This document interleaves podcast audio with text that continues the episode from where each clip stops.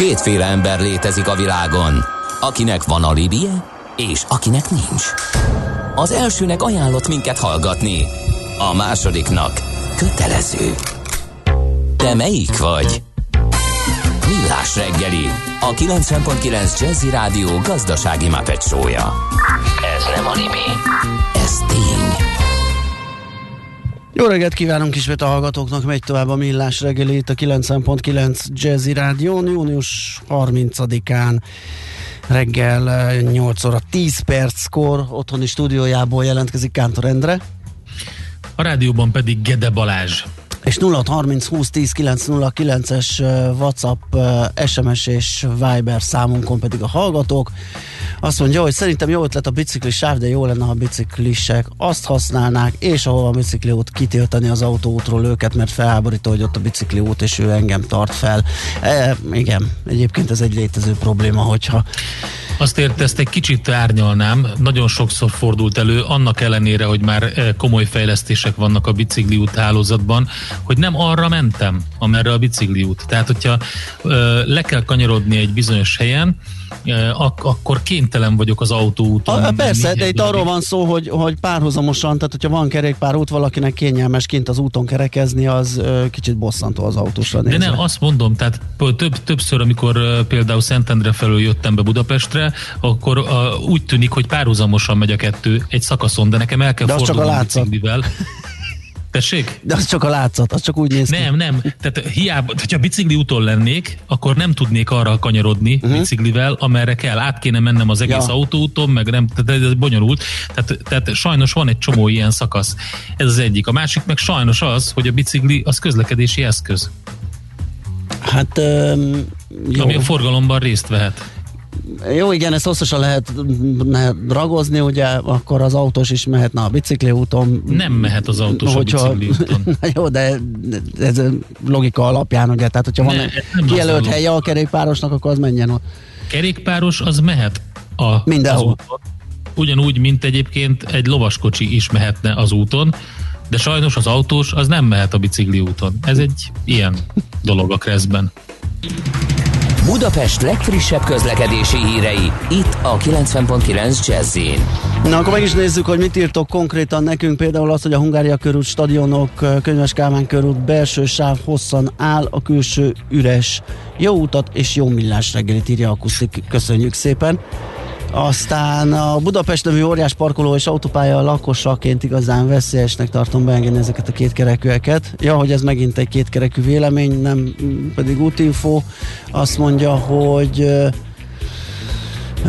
Budapesti, Budai alsó rakparton jövök és kerülgettem, pedig a felső rakparton végig van bicikliút. Na hát úgy látszik a biciklis kérdés el fette hát, itt az aktuális útinfokat. Nem fognak tudni bejönni autóval az emberek, úgyhogy majd megoldódik. Szokni kell.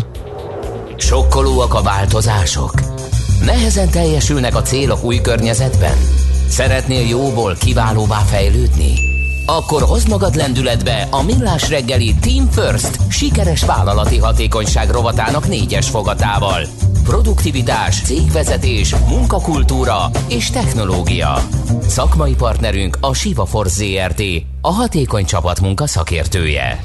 Na hát egy izgalmas munkacíme van a mai beszélgetésnek, a skálázott agilitás azt hiszem, hogy több minden magyarázatra szorul, úgyhogy a segítségünkre lesz Görgei István stratégiai tanácsadó. Szia, jó reggelt! Jó reggelt kívánok én is mindenkinek!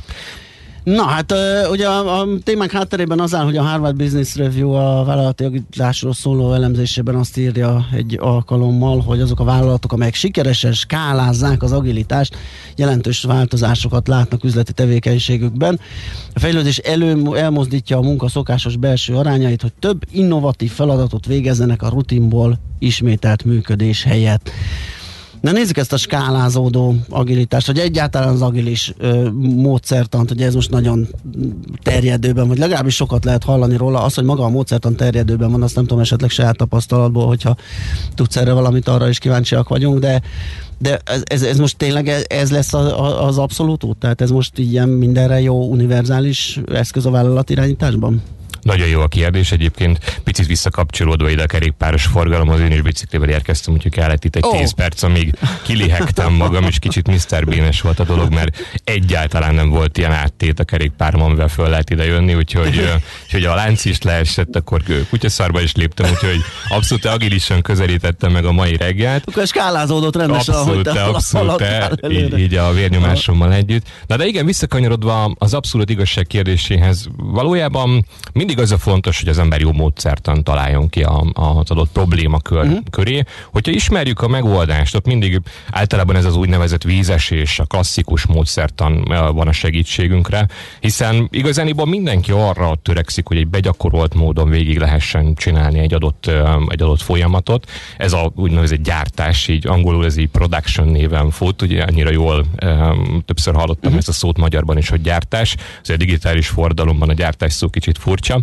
De hát az agilitás az, az akkor segít nekünk igazándiból, és azért érdemes majd erről a skálázódásról is beszélődnünk, vagy beszélnünk, amikor kifejezetten a fejlődés, vagy a megújulása, ami mi életünk kulcsa, és igazándiból akkor jön ez jól. Tehát amikor nem ismerjük a problémának a, a megoldását, és valamivel reflektálunk kellene erre. Úgyhogy... Aha, de közben azon gondolom ebből a gyártásból, tehát hogy, hogyha tényleg csak kiterjesztjük ezt a kifejezést arra, hogy ugye ez a begyakorolt működés, abból elég nehéz kiugrasztani az embereket, ugye általában ez a, ez a tapasztalat. Abszolút, tehát egy kicsit ilyenkor vissza kell kapcsolni a gyárt gyártósorról, és egy pár embert áttenni abba, hogy kipróbáljon új gyártósorokat. Aha. Tehát ez lenne az egésznek a lényege, és ezt mondja a Harvard Business Review is, hogy valójában egy kicsit visszább kell tekerni azt a típusú gyártósort, és egy innovációs irányba elvinni az embereket, és ott, ott segít majd az új kitalációjában az agilis irány, valamilyen módszertan az agilisból.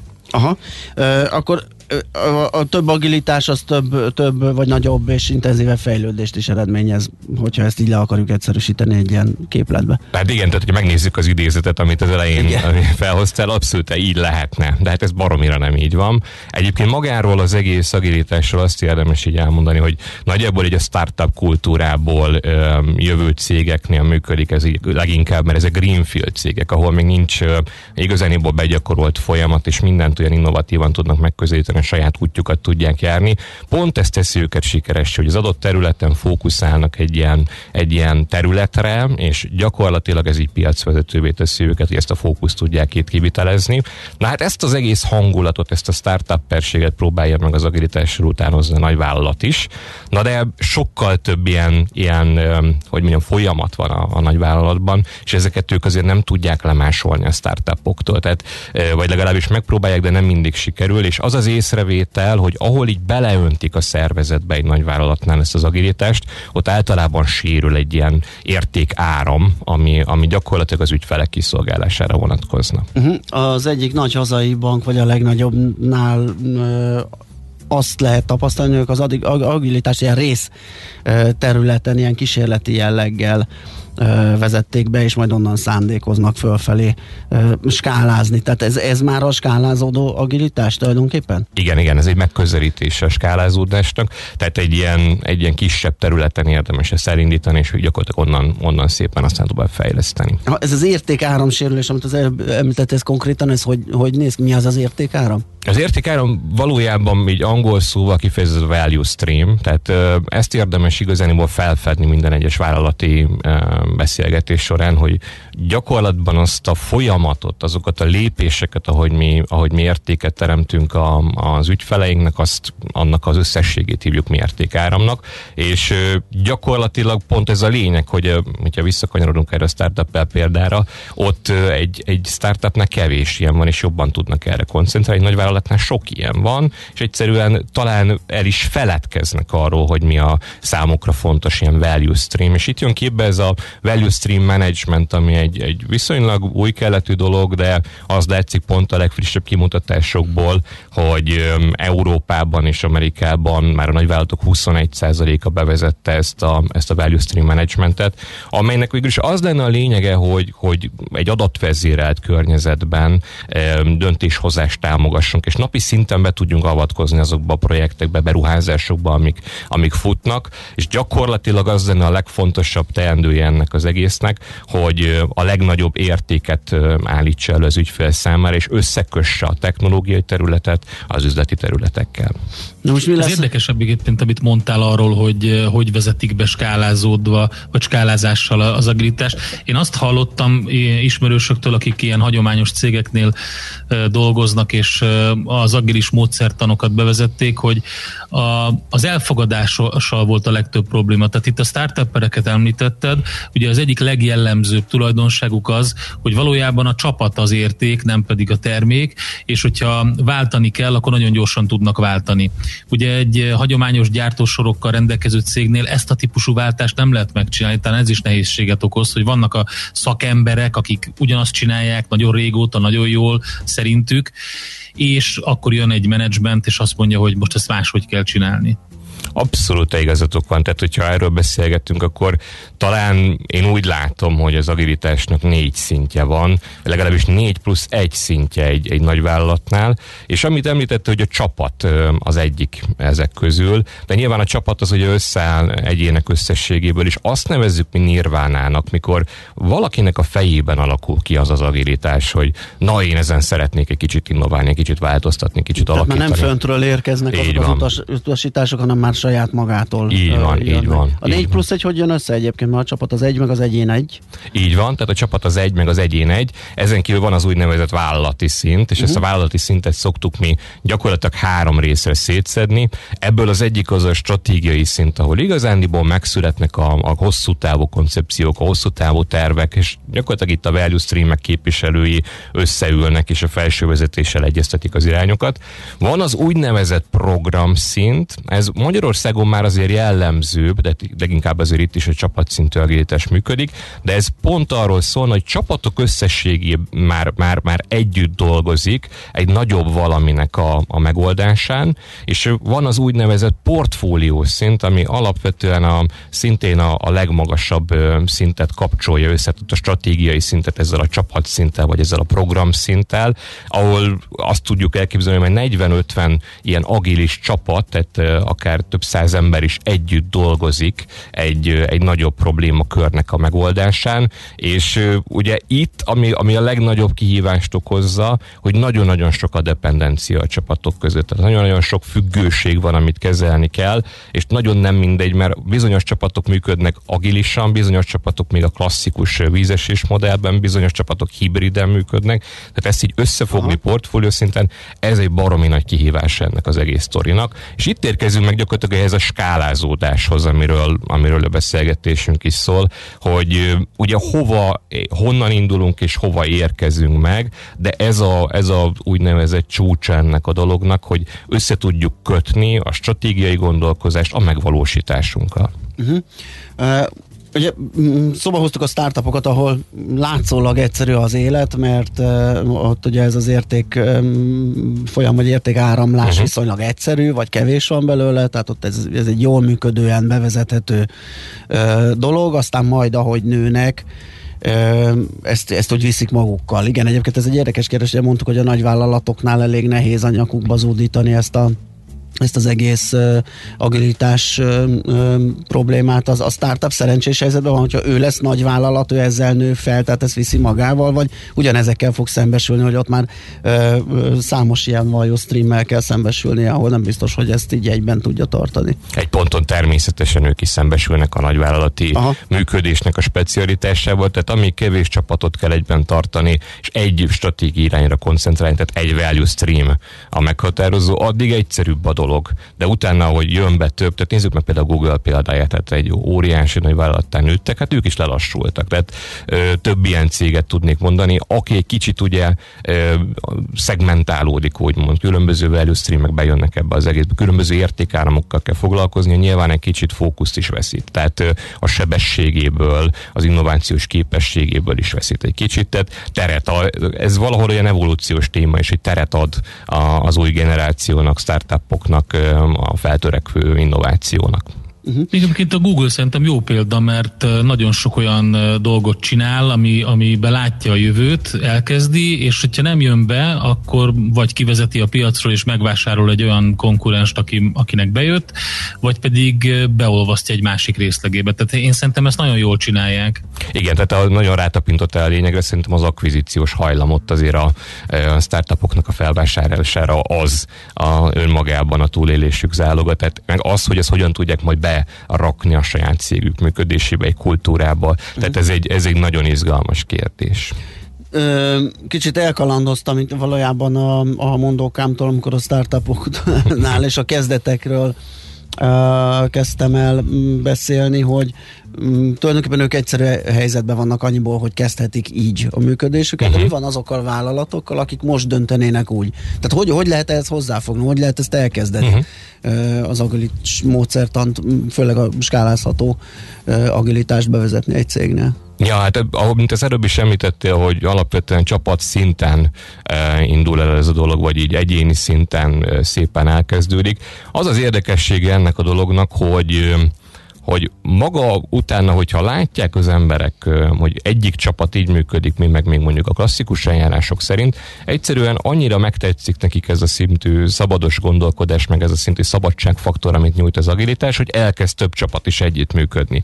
A nagyvállalati szinten ilyenkor jön egy kis, kis szituáció, amikor körbe kell nézni, hogy oké, okay, ez mind frankó, de hát akkor most egy kicsit egységesítsük a működéset, egy kicsit próbáljuk meg ezt magasabb szintről megfogni. És az a lényeg, lényeg, hogy én, mint ilyen stratégiai tanácsadó, pont a Shiva Force-nak abban segítettem, hogy egy ilyen Shiva Assessment modell röviden SAM összeálljon, amiben pont egy ilyen induló készletet nyújt a vállalatok számára. Az első én ez a Digital Delivery Diagnosis, amikor így nekiállunk annak, hogy akkor tényleg felfedjük ezeket az értékáramokat, és tényleg megvizsgáljuk azt, hogy, hogy na akkor hogy lehet ez ebben az egyre komplexebbé váló informatikai világban új és új üzleti szolgáltatásokat teremteni, és ez az egyik olyan dolog, ahol, ahol ezt el lehet kezdeni, hogy akkor erre az értékáramra fókuszáljunk. Hát tényleg tisztába kell kerülni a nagyvállalatoknak azzal, hogy, hogy mit is nyújtanak ők a legjobban az ügyfeleknek. Ezt néha hajlamosak elfelejteni. Egy másik ilyen dolog is van, ez pedig a, az agilis érettség felmérés. Ez mód felett egyszerű kérdőívek segítségével, beszélgetésekkel, interjúkkal össze lehet rakni, hogy tényleg abban a e, nagy agilis könyvben, abban a skálázott mm. világban hol tart egy, egy vállalat, és gyakorlatilag az derül ki ebből a dologból, hogy, hogy éppen melyik állapotban látjuk a, a csapatnak a fejlődését, van-e már programszint, van-e már portfólió szint, a stratégiáról hogy gondolkodnak, tehát hol kell összefésülni. Tehát ez a két alappillére van a dolognak eszközök és infrastruktúra az hogyan alakul? Tehát a vállalat kész rendszerébe kell ezeket létrehozni, vagy alkalmasint azokat is fejleszteni kell, és uh, telepíteni. Rátapintottál a lényeg.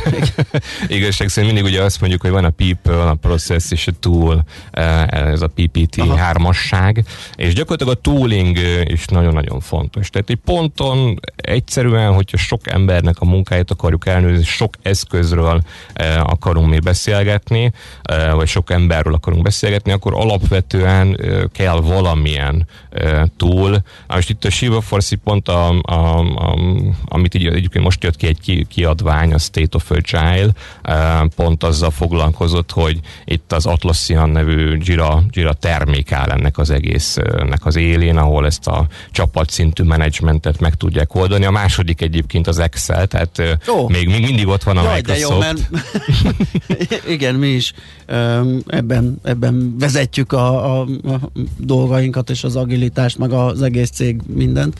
De, de, de azért ennek van hátulütője. Tehát a, a komplexitása meg az, hogy sok minden megoldható, azért azt pont, gondolom akadálya is. Egyben. Pont ezt akartam mondani, hogy a Girának is azért van egy, egy szint akadálya. Aha. Tehát, hogy amikor már több csapatot kell áttekinteni, akkor pont az Atlassian is felismert, hogy neki kell egy új termék erre a dologra, és egy Agile Craft nevű rendszert megvásárolt, aztán átnevezett Jira Align-ra, uh-huh. hogy pont arról szólna, hogy egy ilyen helikopter view-ból le tudjunk nézni ezekre ezekre a csapatokra, hogy mit teljesítenek a stratégiából, és hogyan is állna az egész össze. Úgyhogy ez az, ez az eszköz oldala. Az infrastruktúra megint egy másik kérdés, amire, mire rátapintottál, mert ott meg ugye az van, hogy hogyha nem eléggé gyors az infrastruktúrának a működés, ez egy, ez egy pure IT infrastruktúra, akkor egyszerűen nem tudunk olyan gyorsan életbe lépni a termékekkel, tehát nem tudunk úgy megérkezni, uh-huh. és, és ezt is fejleszteni kell. És egyébként pont így, vagy a Shiva force együtt dolgozok, így, így indítottak egy ilyen DevOps felmérést, tehát ezt DevOps-nak hívják ezt az infrastruktúra feljavítást, ami ilyen Continuous Delivery, Continuous Improvement területen működik, úgyhogy a honlapjukon elérhető, hogy valaki szeretné így felmérni gyorsan magát, akkor azt nyugodtan uh-huh. tegye meg de, de tényleg ezzel is haladni kell, hogy maga az infrastruktúra is változzon egy szervezetben, egy nagy vállalatban, különben sose érünk oda, hogy, hogy működjön az agilitás önmagában. Tehát kb. ennyi szumma szummárom. még egy kérdés, hogy ö, azért hol tartunk ebben? Tehát ez most ö, ez, egy, ez egy lehetőség és egy előnyszerzés, vagy pedig már-már a lemaradást veszélyezteti az, aki nem ezzel a módszert annal dolgozik? Nyilván most nem árulok el nagy titkot, hogy a know-how-t mi is nyugatról hozzuk, tehát uh, általában az USA az irányadó ezekben a, ezekben a dolgokban, és azért látszik, hogy az USA-ban már uh, igazándiból ez nem opportunity, tehát nem egy lehetőség Aha. a nagyvállalat számára, hanem egy fenyegetettség, hogyha nem lép bele ebbe a dologba. Tehát muszáj, muszáj ebbe az irányba elindulni, és tényleg csak arra tudom felhívni a figyelmet, amit így a trendekből látunk, hogy ez a portfólió szint az, ami a meghatározója lesz a, a nagyvállalatoknak, legalábbis az USA-ban és tőlünk nyugatabbra Európában is azt látszik kristálytisztán, hogy ha ott nem tudjuk ezt az agilis működést, a nagyvállalati szerveződést megoldani, akkor igazándiból ez a csapatszintű dolog, ez szép, szép történet marad, de nem megy végig. Nem, nem jut el egy olyan érettségi állapotba, ahol ebből igazán profitálni tud egy nagy vállalat. Tehát körülbelül ez. Hát nagyon köszönjük, hogy beszélgettünk erről. Görgei István volt a vendégünk, a Sivafos stratégiai tanácsadója. Jó munkát, szép napot! Köszönöm kívánok. szépen, szép napot nektek is! Team First, a millás reggeli sikeres vállalati hatékonyság rovata hangzott el. Szakmai partnerünk a Siva Force ZRT, a hatékony csapat szakértője. Nos, ismét eljött az idő, hogy Schmidt Antinak átadjuk a terepet, rövid híreket mond nektek, aztán jövünk vissza és folytatjuk a millás segít itt a 90.9 Jazzim. Műsorunkban termék megjelenítést hallhattak. A lakosság nagy része heveny mobilózisban szenved. A statisztikák szerint egyre terjednek az okostelefonok. A magyarok 70%-a már ilyet használ. Mobilózis. A millás reggeli mobilos rovata heti dózisokban hallható minden szerdán 3.49-től. Hogy le nem erőj. A rovat támogatója a Bravofon Kft. A mobil nagyker. Rövid hírek a 90.9 Jazzin. 4,1%-ra nőtt a munkanélküliségi ráta, az állástalanok száma pedig 190 ezer volt a második negyed évben. A KSH jelentése szerint a koronavírus járvány gazdasági következményei a március és május közötti időszakot már teljes egészében érintették. A jövő héttől szakaszosan újra nyitnak a Nemzeti Közművek ügyfélszolgálati központjai. Az irodákat kizárólag előzetes időpontfoglalás után maszkot viselve lehet felkeresni, és egyszerre csak annyi ügyfél tartózkodhat bent, ahány ügyintéző dolgozik. Magyarországot népszerűsítő kampányt indított a turisztikai ügynökség az autóval is könnyen elérhető országokban. A július végéig tartó akcióban Magyarország vízkincseire hívják fel a figyelmet. Szerbiában újra korlátozásokat vezetnek be, Koszovóban pedig a teljes vesztegzár elrendelését helyezte kilátásba a kormány, a koronavírus fertőzöttek számának növekedése miatt. Montenegróban hosszú idő után ismét volt halálos áldozata a fertőzésnek. Sok lesz a napsütés, kevés a felhő, esni valószínű nem fog, maximum 31 fokot mérhetünk délután. A hírszerkesztőt Schmidt hallották, friss hírek legközelebb fél óra múlva.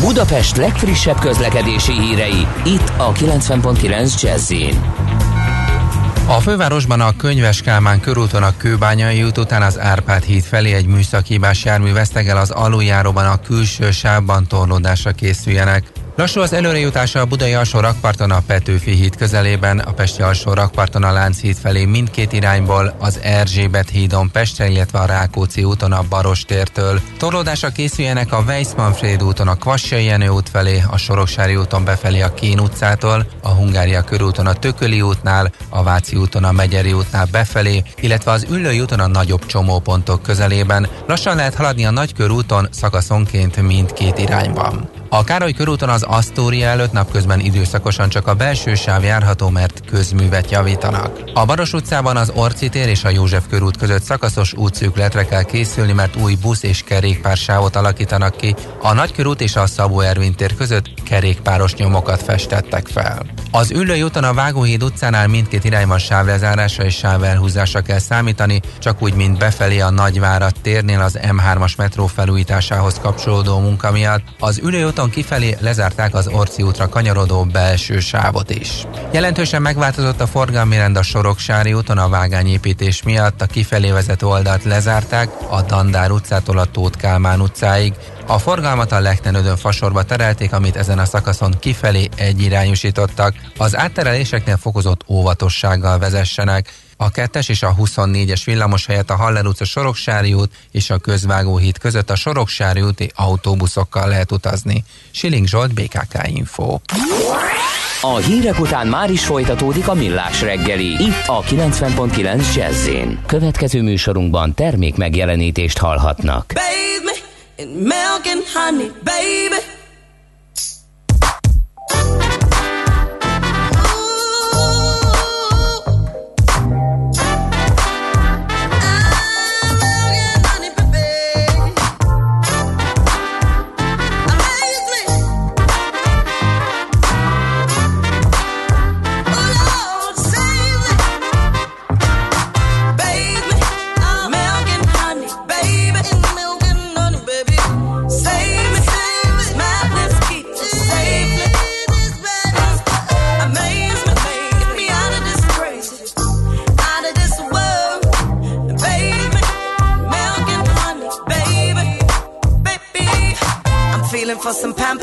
Feeling for some love. I'm feeling disconnected as I'm looking from above.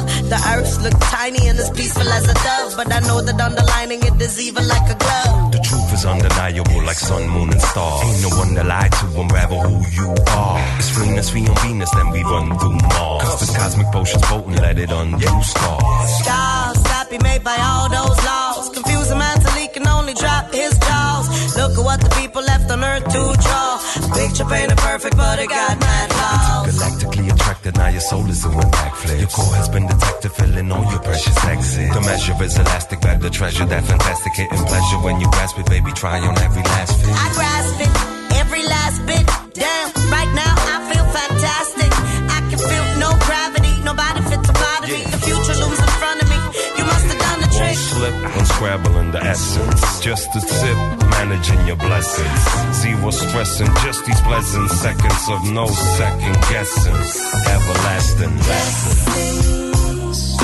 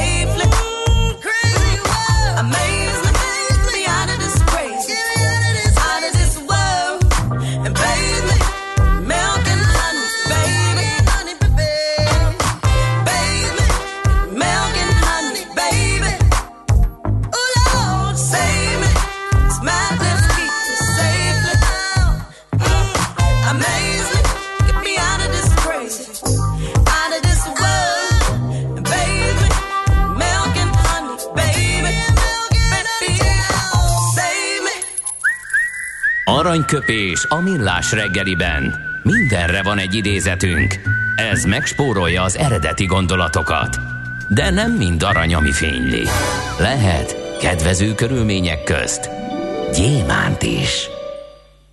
Mai egyik születés taposunk Michael Phelps, sokszoros olimpiai bajnok, úszó, 35 éves a mai napon, és azt mondta egy alkalommal, amikor nagyon fáradtnak érzem magam, mindig arra gondolok, hogy milyen királyú fogom magam érezni akkor, amikor elérem a céljaimat. Hát ez egy nagyon jó motiváló eszköz. Én nem vagyok egy Michael Phelps, de amikor rühellek elindulni futni, akkor én is arra gondolok, hogy milyen tök jó lesz majd, amikor már nem futok. Tehát amikor befejeztem, és utána. Majd amikor jön a jutalom? Hát amikor jön a jutalom, az lesz a jutalom, hogy abba hagyom. Tehát ugye amikor, vannak, van, amikor nehéz el, van, amikor persze az ember szögdécsel, és kedve van, és gyerünk, menjünk, fussunk, csináljuk, de van, amikor csak azt tudod, hogy ma is kéne futni egyet, és hát el kell indulni, akkor az egy erőt adhat, hogy majd utána viszont jó. Egyébként ez tényleg így van. Tehát nem volt annyira pocsék helyzet, vagy annyira ö, rossz kedvem a kezdés, na, hogy van ez? Tehát ö, nem, tehát mind, mindig jó a, a mozgás után, és az egy jó motiváló erő lehet, hogy elkezdjünk mozogni vagy futni, hogy tudjuk, hogy mi lesz a végén. Na hát Michael Phelps ugyanezt gondolta, csak ő nagyban. Aranyköpés hangzott el a millás reggeliben. Ne feledd, tanulni ezüst, megjegyezni arany. Hát ez meg mi? Jé, egy okos morzsa. Az okos morzsák támogatója a Software van Hungary Kft. A felhőszolgáltatások szakértője. Software van. Felhőben jobb. A felhő, vagy angolul cloud szót az informatikában 1996-ban használták először. 2025-ig a becslések szerint a szervezetek 80%-a költözteti működését a felhőbe. A Millás reggeli okos morzsák támogatója a Software van Hungary Kft. A felhőszolgáltatások szakértője. Software van. Felhőben jobb. Na hát a mai napot valahogy hát lengi a startupok élete, hogy ez gyakorlatilag volt az első óránkban is, az előbb is említést tettünk róla, amikor az agilitás szóba került, hát most aztán főleg, de azért itt majd a hagyományos KKV-knak is jut szerep, hiszen az ő finanszírozásuk, méghozzá tőke finanszírozásukról fogunk beszélgetni Szloa Dénessel, a High Ventures ZRT növekedési befektetési igazgatójával. Jó reggelt kívánunk! Jó reggelt mindenkinek, üdvözlöm a kedves hallgatókat. Na, mert hogy ugye a High Ventures egy olyan ö, tőke alap, aki, aki tőke finanszírozással áll oda a cégek mellé. Tehát nem egy banki, nem hitel oldalról, hanem, hanem tőke oldalról finanszíroz. Így van, a High Ventures egy klasszikus kockázati tőke alapkezelő, egyéb iránt az MFB-nek, a Magyar Fejlesztési Banknak a leányvállalata úgyhogy a célunk az mind a startupok, mind a KKV-k, sőt egy újabb termékünkkel idén július 1-től már a nagyobb vállalatoknak a tőkeági finanszírozása is. Uh-huh. Hogy vannak a startupok? Így koronaválság vagy koronavírus járvány válságot követően, közben, kifelé?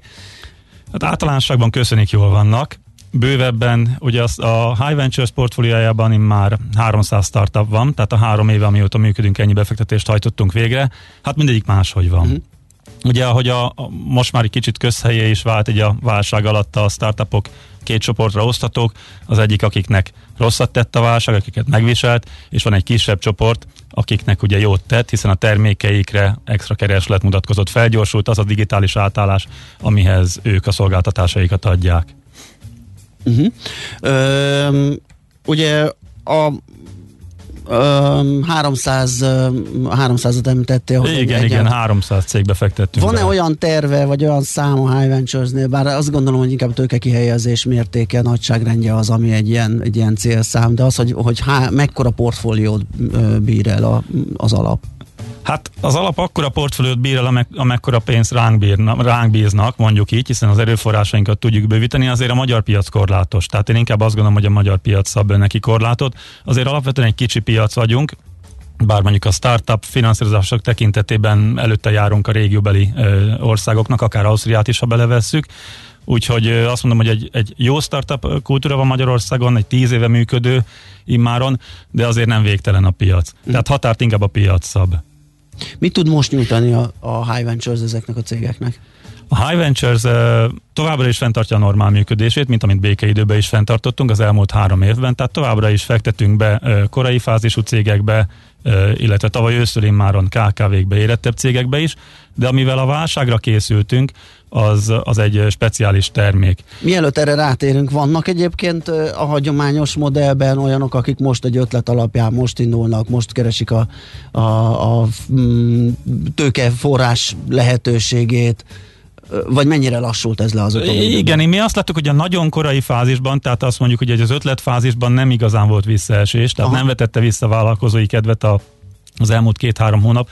Én azt gondolom, hogy azért ez már mélyekben gyökerezik a, a magyar fiatalok startup, startuperek fejében, úgyhogy ebben nem látunk visszaesést. A későbbi, tehát a, a, még mindig a startupokról beszélünk, a kicsit későbbi fázisban úgy tűnik, hogy kevesebb ö, érdeklődés van finanszírozásra, nagyon sokan kivárnak, illetve majd mindjárt beszélünk akkor a válságtermékünkről, mm. amire viszont nagy, ö, nagy kereslet mutatkozik. Az, az új ötletekkel jelentkező, hogy még egy Persze. róluk beszéljünk, az, az jellemző? Tehát látszik az, hogy esetleg ö, ö, sokuknál pont a válság hívott életre bizonyos üzleti modelleket, amiket szeretne megvalósítani, vagy inkább az látszik, hogy ezek azért csőben voltak előkészítve, és most jött el a pont, hogy... Igen, igen, igen, ilyen direkt összefüggést azért nem, nem húznék, vagy legalábbis az én szemem nem látja, lehet, hogy van, azt gondolom, hogy azért annál egy, ennél azért egy kicsit lassabb egy, mm. egy vállalkozás ötletének a kialakulása. Ugye három-három és fél hónapja beszélünk válságról, igen. Talán még nem reflektáltak erre az új jelentkezők. A meglévő cégek, ahogy itt az előző beszélgetésben is elhangzott, agilisan, dinamikusan reagáltak a, a, a válság jelentette kihívásokra, de azért ez egy új, ugye azért amikor egy, az ember egy vállalkozásba kezd, egy startup vállalkozásba kezd, azért ez egy karrierlépés, egy, egy, egy, egy hosszú távon meg, az életét hosszú távon meghatározza. Ezek a döntések én úgy látom, hogy azért nem egy-két hónap alatt születnek, de nem zárnám ki, hogy őszre már meglátjuk a, a, az új vállalkozóknak, igen. az új generációját. Igen, a... Világos. Na nézzük akkor azokat okay, a, tehát, a... Igen, nézzük meg, hogy mi történik ezzel a, a, a, a hát a, akik nem viselték olyan jól a válságot azokkal a cégekkel. Igen, ugye azt látjuk, hogy megint csak több részre hozta a startupokat, akik még nem, jelen, nem rendelkeznek bevétellel, ugye ezek a pre-revenue cégek, ezek ugye ilyen, ilyen szállóégeszerűen mindig jól járnak, mert nekik még nem kell bizonyítaniuk. Őket úgy különösebben nem viselte meg a válság, azt látjuk. Akiket megviselt, azok egyrészt a, ha bár startupok között viszonylag ritka a gyártócég, de azért akad ilyen is, őket nyilván megviselte itt az ellátási láncoknak a leállása, és hát a, a, a post-revenue cégeknél jó párnál látjuk azt, például a turisztikai iparban működő, vendéglátás területén működő, hogy egyszerűen megszűnt a piacuk, szinte nullára esett egyik napról a másikra.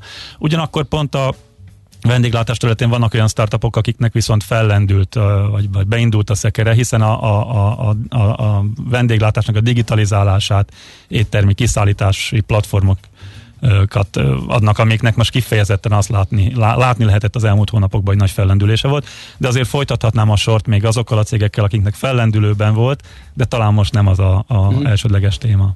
Na, mit lehet nyújtani a, a cégeknek, mire van igényük? Gondolom ezt együttműködve velük lehetett kidolgozni azokat a csomagokat, amelyek most rendelkezésre állnak. Így van, így van. Ugye a, a, a felkérés egyrészt az MFB-től jött, az anyavállalatunktól, hogy, hogy szálljunk be abba a hármasba, amiben ők dolgoznak, ugye, hogy a válság területén mind hitel, mind garancia területén tudnak termékeket nyújtani, és akkor ehhez jön kiegészítőként a mi tőkeági finanszírozásunk.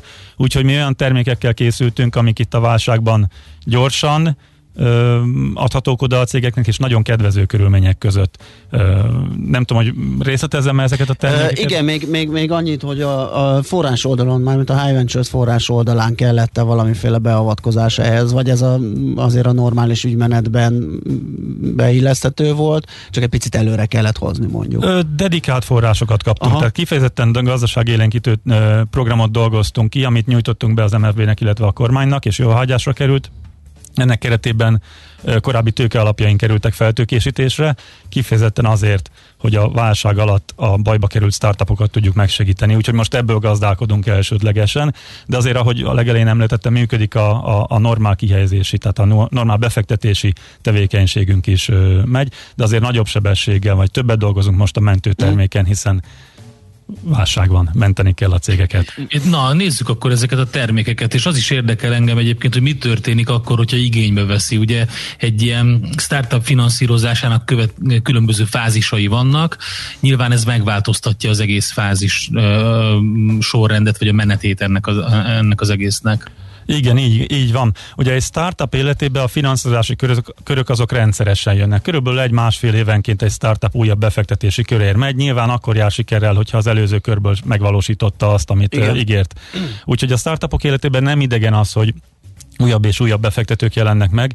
Mi a termékünket igyekeztük úgy kidolgozni, hogy ez ne borítsa föl gyökeresen a startupoknak, meg a korábbi körös befektetőknek az életét. Tehát igyekeztünk olyan terméket létrehozni, ami, amivel, hogy is mondjam, az elsődleges cél az, hogy a startupokat segítsük, és nem az, hogy ott a, a befolyásunkat neveljük az adott cégekben. Úgyhogy talán azt lehet mondani, hogy egy, egy, egy türelmes, a startupok finanszírozása szempontjából egy nagyon kedvező kondíciókkal nyújtott tőkebefektetést adunk, ami lehetőséget a, a későbbiekben, ha már visszaállt a, a béké, vagy a boldog békeidők visszaálltak, akkor nekünk lehetőséget teremt, hogy további köröket fektessünk mm. be a startupokba, hogyha igénylik, de hogyha úgy alakul, olyan szerencsésen alakul a startupok sorsa, akkor ezeket vissza is tudják nekünk fizetni egy viszonylag alacsony. Mondjuk azt, hogy a kockázati tőkeri iparágban alacsony hozam, elvár, hozam mellett. Tehát akár menet közben ki lehet szállni ebből gyakorlatilag. Menet közben vissza tudják fizetni, igen. A, a konstrukció úgy Ez gondolom hogy... azért is fontos, mert azért ennek az időzítése, hogy az a bizonyos békeidő mikor jön el, ugye az most, azt még az nem most nagyon nem látszik. Az most nagyon igen. nem látszik, igen. Aha. igen, igen. Tipikusan két évre adjuk a, a, a mentőtermék, ezeket a mentőtermékeinket, amik a két év lejártával visszafizethetők, ahogy mondtam. Hmm. Tehát részben tagi kölcsön, részben tőkeként. Egy nagyon kicsi rész tőkeként fektetjük be, nagy részek 90%-a, 99%-a az tagi kölcsönként megy be, előre meghatározott hozammal, két év futamidővel, de hogyha a válság tovább tart, akkor nyilván meg lesz bennünk a rugalmasság akár a, a futamidő hosszabbításában, bár azt gondolom, hogy ez magában nem fog segíteni a cégeknek, hiszen további finanszírozásra lesz szükség. Uh, ahogy eddig is, igyekszünk ezután is a piac igényeihez alakítani a, a, ezt a válságtermékünket.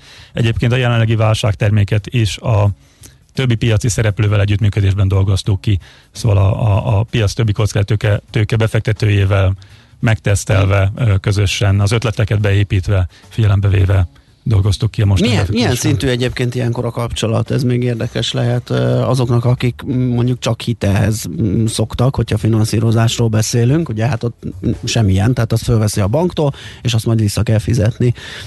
Ez is csak ennyi, vagy azért itt, itt azért ugye az, az, az sejtjük, vagy azt tudjuk, hogy a kockázati tőke befektető azért szeret ránézni a cég működésére. Hát igen, mint tulajdonos azért szeret ránézni. Én azt gondolom, hogy azért a magyar kockázatőke iparágban mostanra, én immáron 20-25 éve vagyok az iparágban, azt látom, hogy egy nagyon nagy edukáció ment végbe. Tehát ma már a, a startuperek alapítók pontosan tudják, hogy, hogy mit vár el egy kockázati tőkebefektető, ami azért egy erősebb kontroll, mint amit egy bank kér. De hát cserébe viszont semmilyen fedezete nincsen. Ugye a tőkebefektetés az, az olyan, hogy nincsen mögötte se biztosíték, se ingatlan, se gépek, se semmi. Úgyhogy vagy van hozama a befektetőnek, vagy nem lesz semmi, de mondjuk ö, ilyen kényszer vagy ilyen menekülő pályái nem állnak rendelkezésre a kockázatőke befektetőknek, sem békeidőben, sem pedig Igen. itt a válságtermékek Összeg, Összegét tekintve, csak hogy ö, esetleg, hogyha a hallgatók között vannak olyan cégek, akik ilyesmiben gondolkodnak, tehát ilyen tóligok, ö, ö, az ember azt gondolhatná, hogy itt olyasmiről van szó, ami hatalmas ö, tőkeigény, oké, okay, hogy startup, de nyilván több százmilliók röpködnek itt, hogy néz ki, hogy néznek ki ezek a csomagok, milyen, mekkora összegtől lehet számítani itt valamiféle finanszírozásra, és mekkora nagyságrendig? Igen, ha, ha bár nagy, nagynak tűnnek a számok, azért startupok, vagyis hát ilyen finanszírozás tekintetében nem nagyok a számok. Három csomagot dolgoztunk ki mini, midi és maxi, uh-huh. attól függően, hogy milyen érettségi fázisban van az adott startup. 65 millió, 100 és 150 millió forint. Egyébként biztatok minden hallgatót, minden érdeklődőt, hogy a High Ventures honlapján, vagy akár a válságcsomagok.highventures.hu-n nézze meg a részleteket. Én azt gondolom, hogy soha, vagy ki nem hagyható lehetőség ez, ami most a piacon így elérhető finanszírozás tekintetében. A lényeg az az, hogy olyan cégekbe fektetünk be, olyan cégekbe tudunk a válságtermékünkkel befektetni, akik már legalább 50 millió forint kockázati tőkebefektetésben részesültek. Ennek egy célja, vagy egy a lényeg, általában aki, aki már kapott kockázatőke befektetést, annál egy olyan befektetési, hát most nem akarok itt csúnya szavakat mondani, de szindikátusi szerződése van, amiben a befektetőknek az extra jogai megvannak, tehát a kisebbségvédelmi extra jogok megvannak, pont azért, hogy gyorsan tudjuk adni ezeket a befektetéseket, és itt a vállalásunk az, hogy 30-35 munkanap alatt ott van a, a számlán a pénz. Mert az a pont szokott időigényes lenni, ugye, és az, az visszatarthatja a gyors folyamatot. Ennek a tárgyalás, ugye tipikusan egy befektetés az 6-9 hónapot Igen. vesz igénybe, és, és ennek nagy része azon múlik, hogy a, hogy a, a jogokat tárgyalják a felek. Aha. Úgyhogy hogy ezt fölgyorsítsuk, ezért azt mondjuk, hogy mi csatlakozunk a korábbi körös befektetőknek az összes jogához, semmi extrát nem kérünk, tehát lényegében egy dobozos terméket adunk, és így valósítható meg ez a 30-35 napos munkanapos befektetés akivel nulláról kell kezdeni a beszélgetést, annak továbbra is áll rendelkezésre a, a, a, a normál békéidőbeli Az is lehet, hogy első körben már High Ventures tőkebefektetést kapott, és úgy fordul egy második, igen. vagy a csomaghoz? Köszönöm, nagyon jó a kérdés, és akkor itt hadd mondjam, hogy igen, a, a, a 300 startupunkkal, ami a portfólióban van, én azt gondolom, hogy a piacnak körülbelül a felét azért kitesszük, nyilván a mi cégeink is kerülnek bajba, uh-huh. úgyhogy az eddigi jelentkezések, igényekből elmondható az, hogy, a, hogy, a, hogy amik jöttek, kb. 30 jelentkezés jött a mai napig a startup vonalon, annak a fele körülbelül a, a már meglévő portfóliónkból jött, talán egy harmada, és a felmaradó rész jött olyan cégektől, akikben mi nem voltunk korábban befektetők. Uh-huh. Mi a helyzet a KKV-val, a hagyományos, mondhatni hagyományos üzletet cégekkel? Igen, a KKV üzletágunk az egy viszonylag új üzletág, tavaly októberben, igen, tavaly októberben indult kezdeti, őrült nagy a lelkesedés, az érdeklődés Aha. a termék iránt, de azt látjuk, hogy, hogy, hogy ez a válság, ez még sokkal többet forgatott ki. Ugye a, míg a, a startup ökoszisztéma egy viszonylag jól meg körülhatárolható ökoszisztéma Magyarországon, nagyjából meg lehet mondani, hogy hány cég van, azért a KKV-k azért egy sokkal nagyobb ö, ö, tömeg, több, ezer, több ezerről, Igen. több tízezerről van szó, úgyhogy minket is meglepett, hogy milyen sokan jelentkeznek. Habár azt gondoltuk, hogy nagy piacra lövünk, nagy érdeklődés lesz, de meglepett az, hogy a válság kapcsán milyen sokan jelentkeztek, míg a startup termékünkre körülbelül, ahogy ezt mondom, ez a 25-30 jelentkezés volt hogy az elmúlt egy-másfél hónapban, amióta a, a termék a piacon van, startupoknál ennél a két-háromszorosa, vagy a, a KKV termékeknél lenne két-háromszoros a futott be. Nem azt gondolom, hogy őket nehezebb menteni tőke oldalról. Tehát egy startup az fiatal, rugalmas, neki nem, nem de, derogál, vagy nem, nem újdonság az, hogy más tulajdonosok is vannak a cégében. Ugye a KKV oldalról azt lehet hallani, hogy picit ez a konzervatívabb uh, vállalatvezetési szemlélet uralkodik, ahol nem nézik jó szemmel, hogy ott most valaki majd érdeklődik, meg beszámolót kér, meg nem tudom. Ez abszolút igaz, ez abszolút így van. Nem, igen, direkt nem azt mondtam, hogy ennyi megállapodott szerződésünk van, ennyi érdek érdeklődés van, ja, jó, okay. hogy ebből melyik az, amelyik tudja tolerálni, vagy megértette azt ugye az, az előzetes információk alapján, hogy mit várunk el, és ebben egyet tud él, élni, azok most, az mostanában derül ki. Azért egy jó pár uh, tárgyalás előrehaladott stádiumban van már a KKV ter- mentőterméknél is. Mennyiben más az ő csomagjuk, vagy mennyivel másképp kell hozzájuk állni, mint a startupokhoz? Ugye az egy sokkal rugalmasabb csomag, míg a startupoknál előre elkészített dobozos termékecskéink vannak, ez a mini, Aha. midi és maxi csomaggal, ott egy rugalmas, azt mondjuk, hogy 50 millió forinttól 3 milliárd forintig bármennyit be tudunk fektetni, ott egy igazából egyed, egyedre, egyénre szabott ajánlataink vannak a, a nagyságrend tekintetében. Egyébként a hozamelvárás az ugyanaz, mint a startupoknál, ez az 5,1%-os éves előre elvárt hozam. Uh-huh. És akkor még vannak a nagyok is? Igen, és akkor ami a holnapi naptól indul, ugye... Oh, de frissek vagyunk. Igen, nagyon frissek vagyunk. Az a, az a krízis egyes alapunk, ami kifejezetten KKV és nagyvállalatoknak is szól már. Ott a befektetési összeg egész 15 milliárd forintuk tud fölmenni, és ott restruktúrálás, piackonszolidáció, gazdaságfejlesztési fókuszok vannak eltérően a KKV-nktól, ahol elsősorban management buy-in, management buy-outokat finanszírozunk, tehát tulajdonosváltáshoz kötődő tranzakciókat a KKV alapunknál, míg a, míg a krízis alapunknál, ez a harmadik, a legnagyobb alapunk, ott a, evel a 15, maximálisan 15 milliárd forinttal per befektetés, ott nagyvállalatoknak a fejlesztéseit és, és restruktúrálását finanszírozunk. Ah, tehát az is egy... Hogy áll eddig a tőke kihelyezés az összes programot tekintve? Ha most csak a válságtermékekre vonatkozott igen, a kérdés? Igen, igen, igen.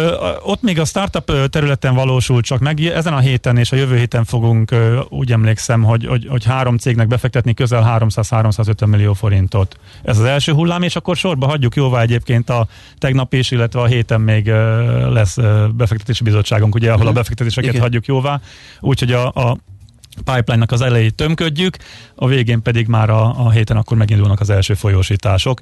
De emellett egyébként a hagyományos termékeinkből is a, a karantén eleje óta, március 12 óta, 12 óta több mint két és fél milliárd forintot fektettünk be, úgyhogy a hagyományos termékeink is futnak, hát most nyilván nagyobb a publicitása a, a válságtermékeknek.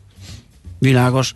Na hát ez nagyon klassz, és jó hírek ezek, úgyhogy nagyon köszönjük, hogy beszámolhattunk ezekről. Hát további sok sikert a, a tőke kihelyezésekhez, aztán nyomon követjük majd, hogy ezek a vállalatok hogyan, hogyan működnek, meg a High Ventures-nek mennyire volt sikeres a programja. Köszönöm még egyszer. Köszönöm szépen a lehetőséget és az Szlova Dénes volt a vendégünk, a High Ventures ZRT növekedési befektetési igazgatója. Most uh, megyünk tovább, ismét hírek jönnek Schmidt Anditól, aztán jövünk vissza.